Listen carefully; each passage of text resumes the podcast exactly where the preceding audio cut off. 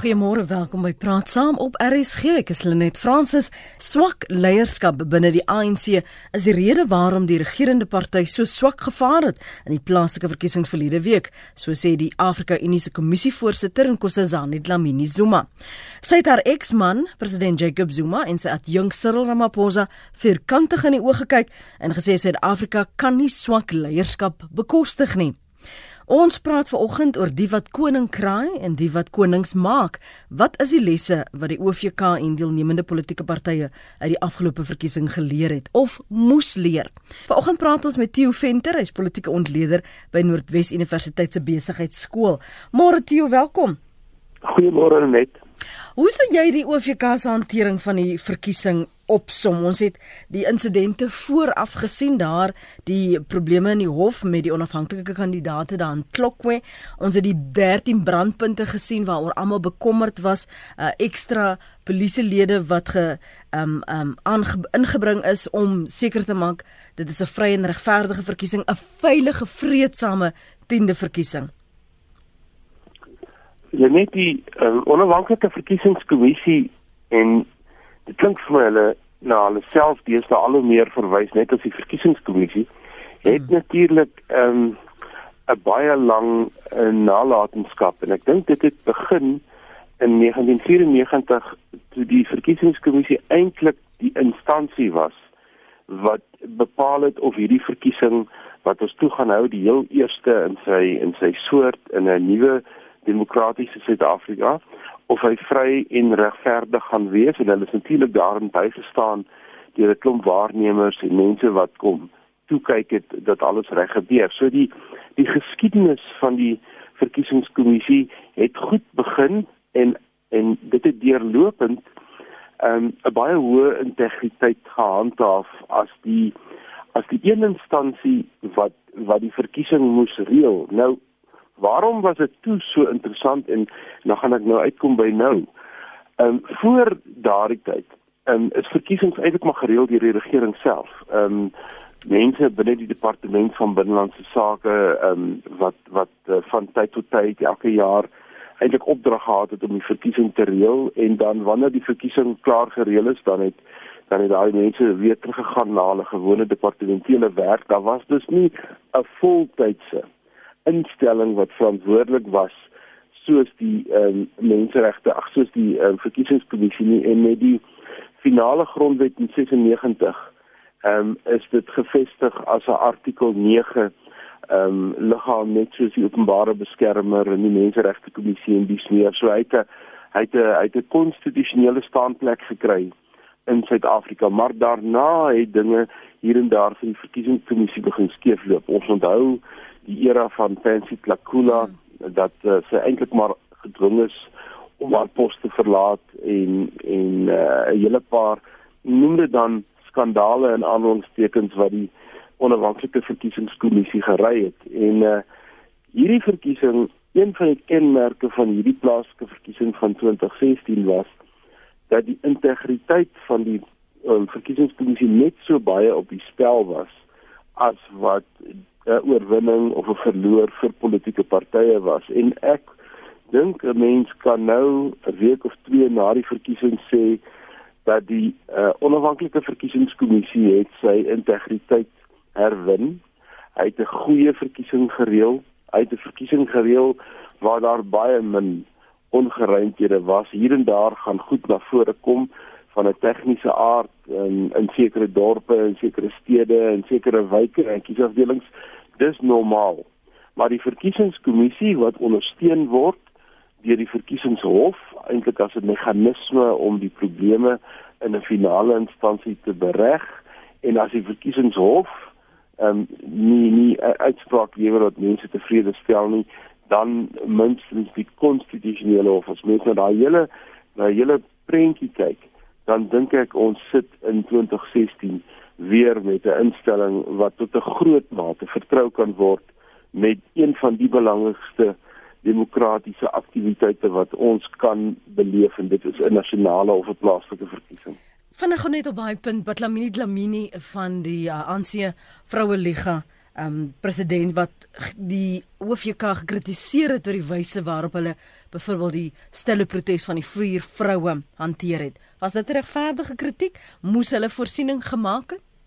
Nee, dis nie regverdige kritiek nie. Ek dink dit was dit was 'n soort van 'n poging om die president te probeer beskerm uit 'n uit 'n politieke hoek. Ehm um, ek was self 'n uh, hele paar dae by die verkiesingskommissie se se ehm um, se sentrale ehm um, uh tel sentrum in in Pretoria die die sekuriteit is baie hoog die die veiligheid was van 'n goeie aard daar was geen ander insidente nie. En as iemand ehm um, akkreditasie gekry het by wyse van 'n politieke party en hy bring nie iets met hom saam waar jy kan weet hy gaan iets doen nie hoe kan jy voorsiening maak? Nee wat ek dink dis onbillike kritiek uh en uh die tema waaroor die stille en die en die swygbetoging plaasgevind het is 'n baie geldige een wat op 'n ander terrein ook lê.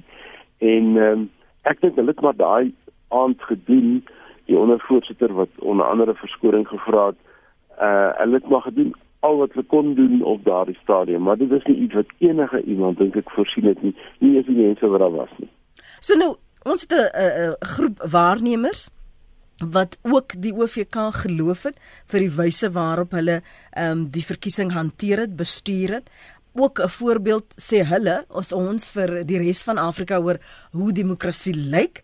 Wat is die rol van hierdie waarnemers? Ek wil sommer 'n klomp dinge nou vra. Wat is die rol? Waar kom hulle? Hoe word jy 'n waarnemer? Hoe onafhanklik is hulle politieke menings? Ja, waarnemers het 'n het 'n goeie internasionale praktyk geword vir die meeste verkiesings, veral in lande waar die verkiesings 'n bietjie onder uh uh onder 'n vraagteken staan of waar mense twyfel of 'n eerste verkiesing soos byvoorbeeld in in Suid-Sudan en 'n paar ander plekke. Suid-Afrika self het al waarnemersgroepe gestuur onder meer na Zimbabwe toe en 'n hele klomp ander verkiesings in Afrika en ek dink die rol van 'n waarnemer uh in beginsel is om is om 'n objektiewe mening te huldig oor die verloop van die verkiesing. Die waarnemers kry baie dikwels toegang tot baie baie intiem deeltes van die verkiesing. Met ander woorde, waar die mense gaan stem, hoe hulle stem, uh hoe veldtogte plaasvind. Ehm um, daar is waar wat die media dophou om te sien of die media daarom sinvol en en vry daaroor rapporteer en hulle standpunte wat hulle dan aan die einde van 'n verkiesing huldig word deel van 'n groter ehm um, vry en regverdige verklaring van die verkiesing. Nou in die geval van Suid-Afrika is daardie ehm um, vry en regverdige verklaring van die verkiesing 'n statutêre verpligting wat rus op die OVK. En hulle het dit ook dan formeel gedoen die aand ehm um, waar president Zuma sy bekende toespraak gehou het waarna jy net nou verwys het. Hulle het 'n stof wat hulle gebruik en dan kom hulle op 'n bevinding en dan word die bevinding formeel gelewer. Die waarnemers kry ehm um, tipies uh, op twee of drie maniere ehm um, akkreditasie om in Suid-Afrika te wees. Hulle kry diplomatieke ak um, akkreditasie by die Suid-Afrikaanse regering. Hulle word geakkrediteer deur die onafhanklike eh, verkiesingskommissie wat dit ook kan doen. En dan kry jy um, sulke nie regeringsliggame van 'n internasionale aard, selfs van 'n plaaslike aard wat hulle self aanbied om om waarnemers te wees. En hierdie liggame is van 'n geweldige groot waarde omdat hulle um, op hulle eie en onbevange standpunte oor die vrye en regverdige verklaring van 'n verkiesing lewer. So dit is iets wat ek dink baie belangrik is, maar ek dink 'n mens moet tog ehm um, met 'n klein bietjie versigtigheid ook daaroor oordeel. En Suid-Afrika het al die verkiesing in Zimbabwe vry en regverdig verklaar as 'n regering. Ja. Terwyl ons eintlik weet dit nie gebeur het nie. So partykeer is hierdie vry en regverdig verklaring 'n bietjie polities korrek en nie noodwendig so objektief as wat mense wou sê nie, maar ek dink nie die um, verkiesing wat ons verlede week gehad het, het enigstens van hierdie klagtes ehm um, mm. werklik kon ondersteun. En gelukkig in, in ons geval was daar nog nooit waar ons op die drempel van 'n staatsgreep gestaan het of waar ons so bang was om na 'n stemlokaal te gaan uh, of dat daar militêre ingryping gaan wees en ons bekommerd is oor ons veiligheid nie. En ons het nog nie daardie klimaat in ons land gehad wat ons Afrika broers en susters wel van tyd tot tyd ervaar het. Nee, dit is 'n baie belangrike punt wat jy maak. Ehm um, en die van ons wat oud genoeg is om te onthou, sal weet dat ons sulke vrese gehad het aan die einde van 1993, vroeg in 1994, waar sommige politieke partye wat nou vandag gevestig is in die parlement, ehm um, amper amper nie aan die verkiesing deelgeneem het nie en en en uh, met sware stryd in die stelsel ingetrek is.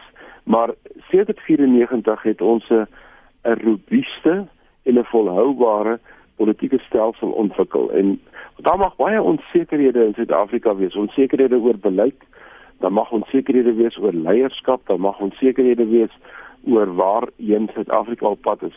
Maar ek dink die een faktor wat ons nie meer onseker is nie, is dat ons 'n stabiele, volhoubare politieke bedeling gevestig het. Dit staan soos 'n paal bo water. Dankie Pierre dat jy aanhou môre praat gerus. Ag ek sou graag wil uh, weet ek ek dink baie daaroor jy weet die die net die die feit dat die ANC en die uh, DA so naby aan mekaar is in die verkiesing die uitslag gee vir my die gevoel dat die verdeeldheid tussen die twee partye groter is nou en en en dat daar daar daar tog nie 'n kollisie tussen DA en die uh en die ANC kan ontstaan nie beteken dit dat daar nie 'n uh, gebruik gemaak kan word van die DA en die ANC nie. Wat 'n jammerte en en dat daar talente is in die ANC en in die DA is uh, verseker tog so nee uh, ons sê altyd dat die ANC korrup is. En dit is seker nie so dat die hele ANC korrup is nie. Sou dit nie 'n goeie ding gewees het as ons uh, die talente van die ANC van die ANC kon gebruik het saam met die DA nie uh Hoe sou so iets kon gewerk? Moet ek aanneem Pierre dat jy dink dit sou beter gewees het dat nie enige van die partye sommer standpunt inneem en verklaar en sê maar ideologies verskil ons so daar is net nie enige ruimte vir samewerking nie. Ja nee, ek sou ek dink so. Okay. Ek ek dink ek dink absoluut. Jy weet uh, as ek so luister na hierdie man so Stew net. Stew praat so uh so die waarheid. Hè. Dit sal so eintlik so nice gewees as hy voor die ouens kon gaan staan het en vir hulle gesê het wat om te doen. Want dit klink net so logies, maar hulle self doen dit dan nie. Maar kom ons hoor 'n bietjie wat sê hy. Goed, goed. Pier, dankie daarvoor. Anay, dankie ook vir jou geduld. Um, Môre nee wat nee so oud is hier baie geduld. Gaan voort. Net nee met groot respek ek stem nie met die vorige man saam nie. Dan is daar nou weer so groot sterk party en is daar korrupsie gaan kom. Power corrupts, absolute power corrupts. Absolutely. Uh, corrupt, absolutely. Maar dit is nie hoe ek skakel nie. Ons hier in Noordse Velen se regtig Hallo? Ja, ja, ja. Hoe nee. stil. Pragtige ondervinding gehad. Geen probleme nie. Goed georganiseerd. Puik vriendelik so mense moet hulle net komplimenteer. Maar wat ek gewonder het en wat dit die mense opgeval dat die kommentaar op die televisie en oral was altyd deur die ondervoorsitter, visievoorsitter van die kommissie gedoen en nie die voorsitter nie. Dit dit dit was net vreemd. 'n Laaste vraag. Hoor plaaslike verkiesings eintlik onder vaandels van nasionale politieke partye gevoer te word? Mm nie onvanpas nie. Dit hoort op 'n nasionale verkiesing, ja. Maar met plaaslike aangeleenthede is die rol regtig nodig en moet dit nie sonder politieke partye gedoen word nie. Baie dankie. Dankie en nou kom ons vat net daai een sommer. Tio. Ja, ek dink dit is 'n baie interessante vraag. Ek ek moet vir Pierre sê hy's 'n regte ou vleier. Ehm um, die kom ons begin met sy vraag oor oor die ehm um, oor die oor die twee oor die oor die twee grootste politieke partye baie keer wanneer twee sulke partye met mekaar saamwerk en dit is nie ongewoon nie dan word dit uh, na verwys as 'n groot koalisie. Ehm um, en ons het al dit gehad na 94 vir 'n periode die regering vir nasionale eenheid, die nasionale party, die ou die die ou nuwe nasionale party mm. en die die bestaande ANC en die IFP was ook daarbey betrokke. Het hulle 'n soort van 'n groot koalisie gevorm en saam geregeer totdat die uh, nuwe nasionale party besit onttrek het. Die IFP het nog vir 'n periode aangebly en toe daarna het die politieke partye in hulle verskillende rigtings gegaan. So dit het al bestaan en dit kan werk, maar ek dink die situasie tussen die ANC op die oomblik en die ehm um, DA is is van so kompeterende aard dat ehm um, wanneer daar samewerking is, is dit baie ehm um, is dit baie lukraak en dit het al van tyd tot tyd veral in plaaslike owerhede het gebeur dat die ANC en die DA ooreenkomste aangaan oor hoe hulle sekere besluite gaan neem, maar ek dink beide partye het um, hulle self gaan posisioneer om nie in alliansies te tree met die ander partye nie. Wat nie te sê is dat hier en daar ons in die volgende week of wat verbaas of verras sal kan hmm. word deur kleiner skikkings tussen die twee groot partye nie, maar ek dink die aard van die politiek op die oomblik en hoe die politieke prosesse hulle self uitspeel en ek dink ons kan nie die rol wat president Zuma speel op die oomblik in sy leierskap een van die agenda punte wat jy vroeër gestel het kan ons nie losmaak van hierdie hierdie samewerking nie dit het op die, op 'n manier 'n meilsteen geword om die ANC se nek op die oomblik en die samewerking van enige politieke party met die ANC in die lig van 'n hele klomp uitstaande kwessies rondom die ANC se eie leier dink ek is een van hulle grootste albatrosse om die ANC se nek. Die tweede vraag oor moet hulle moet hulle eintlik uh, moet ons so 'n soort van 'n nasionale verkiesingsveld tog eintlik voer rondom plaaslike verkiesings is 'n interessante een. En daar is vroeër um, vandag ook gepraat oor die van Sail Slabbert verslag oor hoe moet ons verkiesingsproses en stelsel lyk. En een van die faktore wat ehm um, oorweeg is ehm um, na 1995 toe ons begin het met plaaslike verkiesings soos dit nou lyk veral van 2000 af was dat ons op 'n manier die die plaaslike inhoud van plaaslike verkiesings moet terugkry en dat dit nie net op 'n proporsionele basis kan hou nie dat daar dat daar 'n koneksie moet kom tussen die kiezer en sy verteenwoordiger en dit is waarom wyke en wijkverkiesings so belangrik is in plaaslike regeringsverkiesings. En ek dink dit het op 'n manier 'n sukses geword van ons plaaslike verkiesings tot nou toe dat ons eintlik 'n soort van 'n gekombineerde soort stelsel het. Maar van omtrent so twee verkiesings gelede af het dit duidelik begin word dat diensleweringsvraagstukke het 'n nasionale karakter begin ontwikkel dit het by die vorige plaaslike regeringsverkiesing al reeds begin blyk dat nasionale kwessies word op die plaaslike vlak gebruik. Dit het in die vorige nasionale verkiesing duidelik gebleik dat ons 'n nasionale verkiesing hou met plaaslike kwessies wat die ehm um, wat die agenda domineer en met hierdie verkiesing was dit weer duidelik dat daar amper nie 'n onderskeid te maak was tussen wat is nasionale vraagstukke en wat is plaaslike vraagstukke.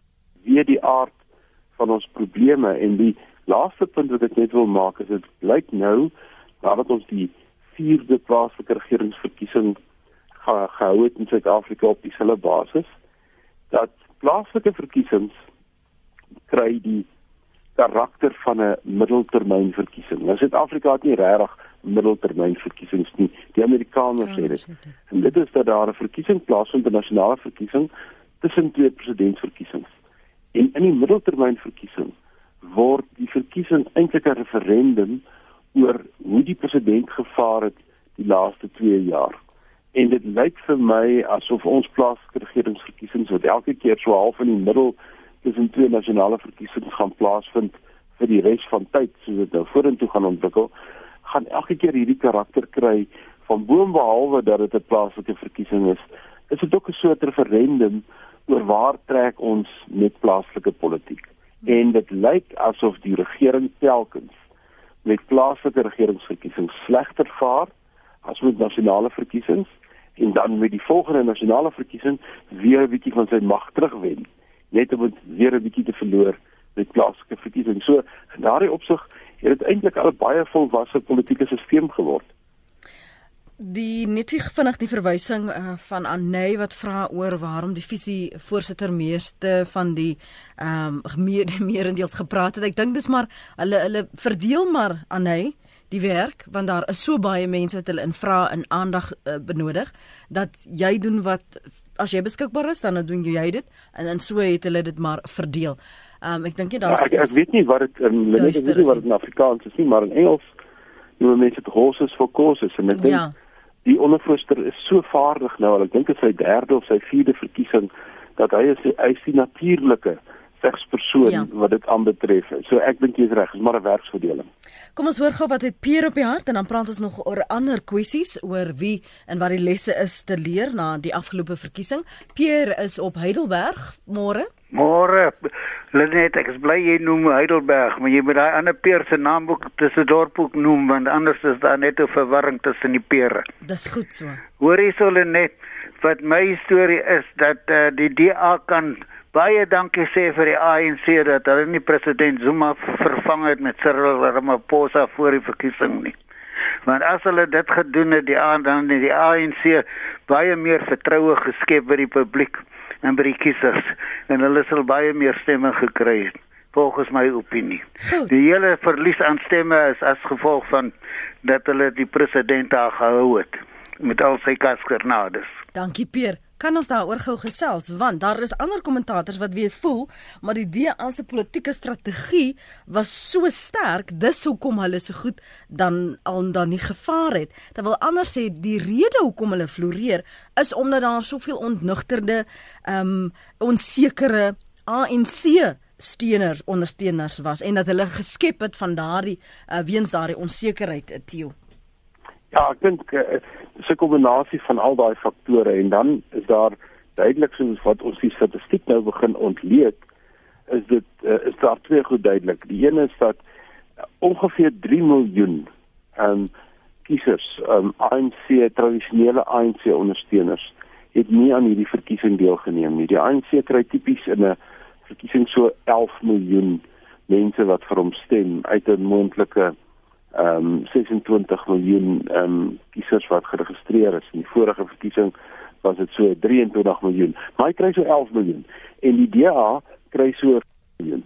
En in hierdie verkiesing het die DA ehm um, se ondersteuning uh, basies gebly waar dit is.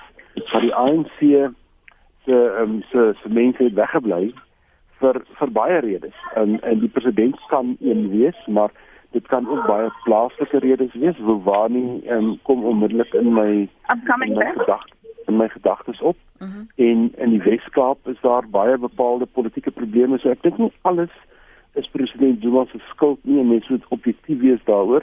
Daar kan baie bepaalde plaaslike redes wees. En dan moet mens byvoeg ehm um, dit was 'n koue dag. Dit was 'n slegte dag om te stem en dit sou ook baie mense ontmoedig het. So ek dink as ons al daai goed bymekaar sit, dan kry jy uiteindelik die resultaat, nie net een nie. Das is stem van Theo Venter, politieke ontleder by Noordwes Universiteit se Besigheidsskool. Intussen het professor Amanda Gous by die departement politieke wetenskap by die Universiteit van Stellenbosch ook by ons aangesluit. Môre Amanda, welkom. Goeiemôre Lenet. Baie baie dankie vir jou uh, beskikbare tyd. Ons waardeer dit soos altyd. Wil jou vinnig tog vra oor Nkosazana Dlamini Zuma, die voorsitter van die Afrika Unie Kommissie wat so vuur in vurig in in die oë van haar eksman en uh, Cyril Ramaphosa gekyk het en gesê het Suid-Afrika kan nie swak leierskap bekostig nie. Nou sê sy dit omdat dit daar verwag word dat sy as die voorsitter iets moet sê of is dit 'n slinkse manier om te sê kyk, ek is dalk moontlike presidentskandidaat. Ja, ek vermoed dit is 'n bietjie van albei, ehm um, want Nkosazana eh uh, Dlamini Zuma is 'n goeie leier. Sy sy het goeie leierskap eh uh, eienskappe en sy as 'n minister was sy 'n relatiewe goeie minister en as die voorsitter van die Afrika Unie is sy het sy ook goeie werk gedoen. So jy weet, ek dink sy sy besef die belang van goeie leierskap. Maar aan die ander kant weet ons dat daar is 'n uh beskouing binne die ANC dat die volgende president 'n vrou moet wees en dit is basies om rond om Cyril Ramaphosa te kom wat hulle nie wil hê as die volgende president nie. So as hulle dan ernstig is oor 'n vroue presidentskandidaat dan is sy dink ek is sy hoog op die lys van prioriteitskandidaate. Ons praat ver oggend oor wat die lesse is wat politieke partye kan leer na die afgelope verkiesing. Kom ons begin dan by hierdie herbeskouing wat almal sê daar is diepe introspeksie wat die regerende party moet doen. Kom ons staan stil by hulle. Dan gaan ons na die DA, dan die EFF en Cope en so meer. Jou insigte daaroor, um, Amanda? Ja, wel ek dink die ANC het uh, het 'n pak slag gekry wat wat hulle basies uh, ek dink dit was 'n groot pak is wat hulle verwag het en hulle sal moet introspeksie pleeg. Die die probleem is dat die ANC is so diep verdeel dat dit maak nie saak watter tipe introspeksie gepleeg word as daar nie werklike verandering aangebring word. Ehm um, en en die grootste liability is is natuurlik die president. Nou mense sê tussen die lyne dat uh, jy weet eintlik is is dit waar die skoonmaakproses moet begin is is aan die aan die top Ehm um, maar dit is baie moeilik omdat die patronaat netwerke so diep loop en die faksies so diep loop en die uh hierdie uh beleid uh, deployment van kaders uh basies so uh diep gewortel is dat dit baie moeilik vir hulle gaan wees. Um, om om introspek wel om om al pleeg hulle introspeksie om iets daaraan te doen. Mm. Nou ek dink die koalisie regering gaan hulle dwing uh om 'n bietjie meer ernstig uh te wees oor oor die veranderinge wat hulle wil aandring. Die EFF het aanvanklik toe gesê dat hulle gaan nie enige koalisie oorweeg indien die ANC nie daadwerklik van Jacob Zuma ontslaa raak nie. Uh, uh, ek meen gegee wat ons gesien het die ontvouing die afgelope uh jare was daar al vele moontlikhede en gerugte dat ja die president gaan bedank of dit of dat gaan gebeur sou dit wys wees gegee dat 2019 is om die draai wil jy regtig nou van die president ontslaa raak Dat 2017 is nader nee wanneer hulle ja, die ANC ja. weer 'n nuwe uh, president vir die uh, vir die ANC moet kies. Mm. Ehm um, jy weet ek Ek sê tog ehm uh, um, Theo Gigo van Amanda kant? Amanda? Ehm um, ek dink ehm um, ja, so so jy weet ek dink die ANC self soek na 'n uh, 'n geleentheid en 'n guldige uh, oomblik om hom te laat gaan. Maar aan die ander kant weet ons dat die EFF ehm um, is absoluut nie bereid om sy leierskap te aanvaar nie.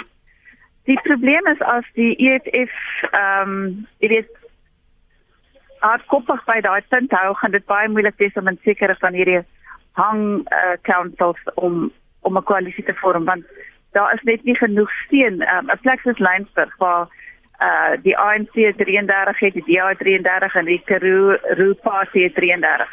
Daai mense moet een of ander manier 'n uh, 'n koalisie vorm. So uh jy weet ek dink dit is dit is net dat die koalisie hulle dalk gaan dwing om uh miskien 'n bietjie meer uh buigsaam wees rondom hulle idee om van die maand klaar te raak. Dankie Tio. Kyk, ek wil net sê die EFF, um, soos wat Amanda ook aangedui het, is wel breedsprakerig en voor die verkiesing was die meeste politieke partye breedsprakerig. Nou dat ons 'n uitslag het, dink ek daar is daar is twee gesprekke aan die gebeur. Daar is 'n oppervlakkige gesprek na buite waar politieke partye sekere standpunte probeer voortsit, maar dan is daar gesprekke agter die tafel onder die tafel en agter geslote deure waarvan ons nie weet nie wat dalk heeltemal anders is en in 'n groot mate meer pragmaties is as wanneer die politieke partye in die openbaar praat. Om, om met die ANC uit te kom, dink ek dat hulle probleem is nie net kompleks nie, dit het in kompleksiteit toegeneem. Uh 2 maande gelede was die algemene gesprek dat op 'n manier gaan die ANC met meneer Zuma moet handel. En toe daar twee of drie goed intern gebeur binne die ANC. En een daarvan was die mags ehm um, die die magsituasie binne die ANC het geswaai en hy het in ten gunste van die sogenaamde Premierliga beweeg ja. nadat KwaZulu-Natal ook deel van die Premierliga geword het sodat vier provinsies nou eintlik die gesprek van die ANC domineer op die nasionale werkskomitee wat dan uiteindelik die agenda bepaal van die nasionale uitvoerende komitee wat die belangrikste besluitnemingsliggaam is wat oor die goeders moet praat. En in hierdie verkiesing het die vier provinsies wat wat die premier liga uitmaak, naamlik Noordwes, Vrystaat en Mpumalanga en nou KwaZulu-Natal, het die minste steen verloor van al die ANC provinsies. So hulle is in 'n sekere sin sterk in die lug relatief gesproke. Wat maak dat dit amper onmoontlik is om die posisie van meneer Zuma te bespreek, enigiets aan hom te doen behalwe dit wat Amanda genoem het dat die ANC se normale verkiesingsproses wat in Desember volgende jaar kulmineer in die keuse van 'n nuwe top 6 leiers um, um, um, om self afspeel. En dan is die volgende vraag het die ANC dan die moed om iets aan meneer Zuma te doen of gaan hulle hom maar toelaat om te bly sit as president tot Mei maand 2019 en hierdie besluit kan net die ANC intern neem en ek hoop soos Amanda dat baie van hierdie koalisieregerings en koalisie dinamiese um, besprekings eintlik net vir die ANC makliker gaan maak of gaan dwing om uiteindelik te kyk na hulle nasionale leier. Bennett Gerber skryf op ons SMS lyn: Kan 'n minderheidsparty die meerderheid deur 'n koalisie verkry? En dan het Janet ook 'n punt oor kleiner politieke partye. Dankie vir die aanhou môre Janet. Môre Lenet, baie dankie vir die geleentheid. Um, ek wil eers 'n regstelling maak of of vra dat ons dit ander partye noem en nie kleiner partye nie. baie dankie. En dan wil ek net sê as julle my sal verskoon as ek dalk oorslaan Engels toe. Um, ek voel ons verkiesings is vry, maar ek glo nie dit is heeltemal regverdig nie. En dit kan ook nie so wees nie tot elke partye, tot al die partye kans kry, 'n gelyke kans kry om hul produk aan die kiesers bekend te stel. Ehm um, dit kan nie gebeur as ons almal nie dieselfde befondsing het nie. As jy kyk, ehm um, die ANC het oor 'n biljoen rand spandeer, die DA het oor die 450 miljoen. Ehm um, dit is onmoontlik vir ander partye om daardie tipe gelde omdat die ehm um, ek dink kan ek dit nou gou in Engels sê, mm. ek is jammer.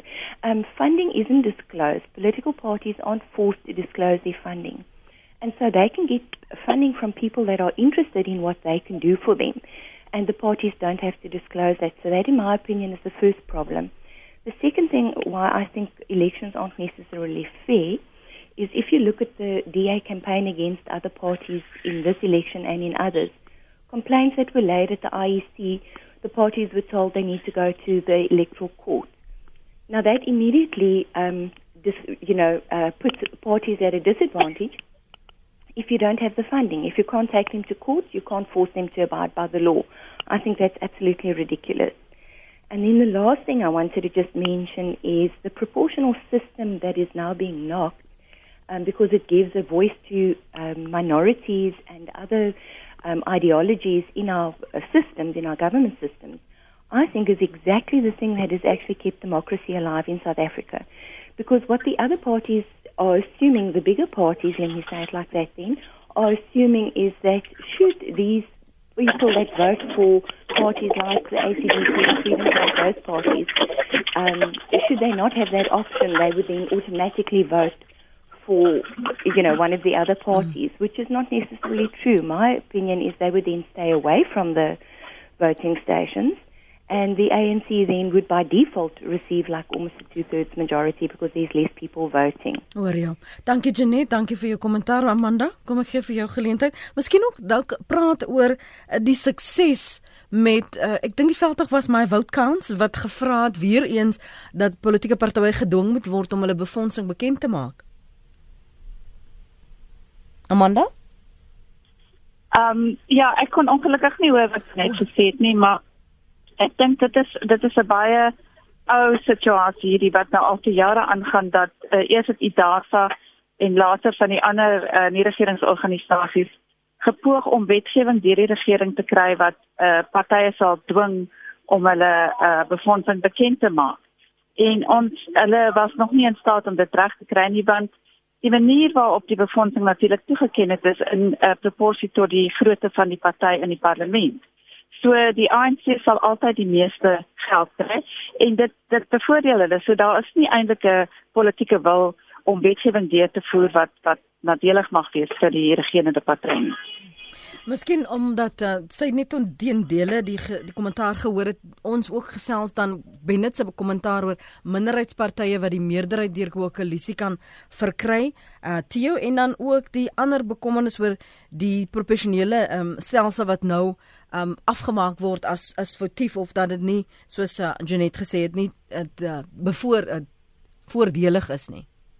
Kyk, um 'n party wat nie 'n uh, 'n uh, volstrekte meerderheid behaal het nie. Volstrekte meerderheid um, volgens ons is 50% plus 1. Dan beteken dit jy kan regeer. Maar kom ons sê jy kry 47% of jy kry 43%, maar geen ander party kry naaste by soveel as jy nie. Jy kan op daardie stadium ook 'n regering vorm. Jy kan 'n minderheidsregering vorm en jy kan samewerkingsooreenkomste met politieke partye maak sodat wanneer jy by kritiese punte kom, jy op mense se steun kan staat maak op 'n informele wyse. Of jy kan daardie ooreenkoms formaliseer. Dit word dan 'n koalisie genoem wanneer jy dan 'n formele samewerking met 'n ander politieke party het en jy dan saam regeer. Maar ehm um, die as jy nie 'n formele ooreenkoms sluit nie, dan gaan jy by elke raadsvergadering, ons praat nou spesifiek munisipaliteite en en metros, gaan jy by elke raadsvergadering feitelik oor elke punt moet onderhandel en dan word dit 'n onwerkbare situasie. En as jy by begrotings kom en by die aanstelling van senior personeel oral waar daar gestem moet word, gaan daar elke keer 'n soort van 'n 'n caucus of 'n of 'n of 'n vergadering moet plaasvind. So dit is nie 'n fisieke werkbare manier nie, maar dit is moontlik en ek het al gesien in sekere plaaslike owerhede het dit gewerk op 'n stadium net om jou 'n praktiese voorbeeld te gee was die oppositiepartye die laaste 3 of 4 maande in die geval van die Klokke munisipaliteit in die meerderheid en die ANC in die minderheid. En die uh, oppositiepartye het toegelaat dat die ANC regeer. So die ANC het eintlik as 'n minderheidsregering geregeer, maar daar is ooreengekom dat sekere goed ten opsigte van die begroting sal op hierdie wyse gebeur en dit het dan gemaak dat die regering kon aangaan en dit hmm. kan ook gebeur in ander plekke. Ek het gehoor wat die dame gesê het en ek stem seker sy met Amanda saam. Die parlement het 'n besluit geneem oor die proporsionele toekenning van geld en ek dink nie daar is op hierdie stadium enige moontlikheid dat dit gaan verander nie. Wat ek ook gesien het is dat buiteinstansies, veral die groot korporatiewe instansies en en en uh, oorseese hulpverskaffers en dies meer maak nou ook gebruik van hierdie model van die parlement deur te sê as ons dan 'n 100 rand het, dan sal X% aan die ANC gaan en X% aan die DA en dan vat hulle wat oorbly verdeel hulle tussen die klein politieke partytjies. So dit het so half en half praktyk geword om aan politieke partye geld te ken in terme van hulle van hulle proporsiesteem wat ehm um, interessant is want dit maak die sterk partye sterker en dit maak die kleiner partytjies swakker. Nee, so eintlik die omgekeerde wil hê, maar dis nie op die oomblik hoe die praktyk in Suid-Afrika werk nie. Dit betref ons nou 'n nuwe politieke era met al hierdie uh, koalisies uh, Amanda en dis waar ons uh, ook gaan afsluit vir oggend. Ja, maar ons begryp dat dit is net op die plaaslike vlak. Mm. Ehm mm. um, ons gaan net hierdie tipe van koalisievorming op 'n nasionale vlak sien wanneer die een van die ANC onder 50% daal. Dan gaan hulle ook op die nasionale vlak gedwing word om 'n koalisieregering te gaan. Maar ek dink die die feit dat mense gestem het soos wat hulle gestem het dat ons nou hierdie koalisie sien is stuur 'n baie sterk boodskap dat 'n meerderheidsparty nie kan regeer net in gunste van hulle self en en in gunste van hulle politieke elite nie, maar dat hulle wel uh jy weet met regeer ten gunste van almal. En en ek dink ek hoop dat die ANC daardie boodskap kry en dat dit sal kyk na die manier hoe dit die afgelope uh 5 jaar uh geregeer het en die baie swak dienslewering op op plaaslike vlak en die feit dat daar so min munisipaliteite is wat byvoorbeeld skoon um audits kry. So ek dink daar's 'n baie definitiewe boodskap opgesluit vir die ANC in die uitkoms van hierdie verkiesing. Baie dankie aan professor Amanda Gous, sy's daar by die Universiteit van Stellenbosch se departement politieke wetenskap. Binne 10 dae moet ons nou weet waar en hoe hierdie koalisies gaan lyk. Theo, jy vol vertroue dat ons dit gaan regkry dat daar tog uh, 'n middeweg vir al hierdie uh, teenstrydighede gaan wees? Ja, um, daar is meer as 200 plaaslike owerhede en net 27 het die posisie waar hulle moet onderhandel oor oor 'n oor 'n regering. En ek dink in die meeste gevalle sal hulle dit regkry want die die swaard van oordeel lê oor so 'n plaaslike regering as hulle nie 'n koalisie vorm of een of ander werkswyse vorm nie. Want ehm um, as hulle dit nie doen nie dan tree daar verskillende ander prosesse in en uiteindelik kan daar selfs 'n administrator aangestel word om te regeer ten spyte van 'n verkiesing wat plaasgevind het. So ek dink daar's 'n bietjie dwang op hierdie plaaslike owerheid om so gou as moontlik 'n uh, 'n werkbare ooreenkoms te kry, maar uh, ons moet maar weet dat nie al hierdie ooreenkomste gaan werk nie en dit hang baie af um, van iemand soos die EFF wat in baie gevalle um, die spelbreker is in in hierdie speletjie kan hulle soos 'n volwasse politieke party optree of gaan hulle aanhou met hulle parlementêre speletjies wat ons nou so goed ken en dit is van as hulle die spel reg speel met ander woorde as hulle na die na die na die na die plaaslike regering toe kom of na 'n koalisie toe kom as 'n ernstige politieke speler dan kry ek sommer nuwe hoop vir die Suid-Afrikaanse politieke stelsel en dan beteken dit daar het groot vordering plaasgevind. Wanneer dit jy baie dankie vir jou deelname vanoggend aan praat saam. Dit was Theo Venter, politieke ontleder by die Noordwes Universiteit se besigheidskool en dankie vir julle terugvoer op ons SMS lyn en op ons webblad en selfs hier in die ateljee. Waardeer dit.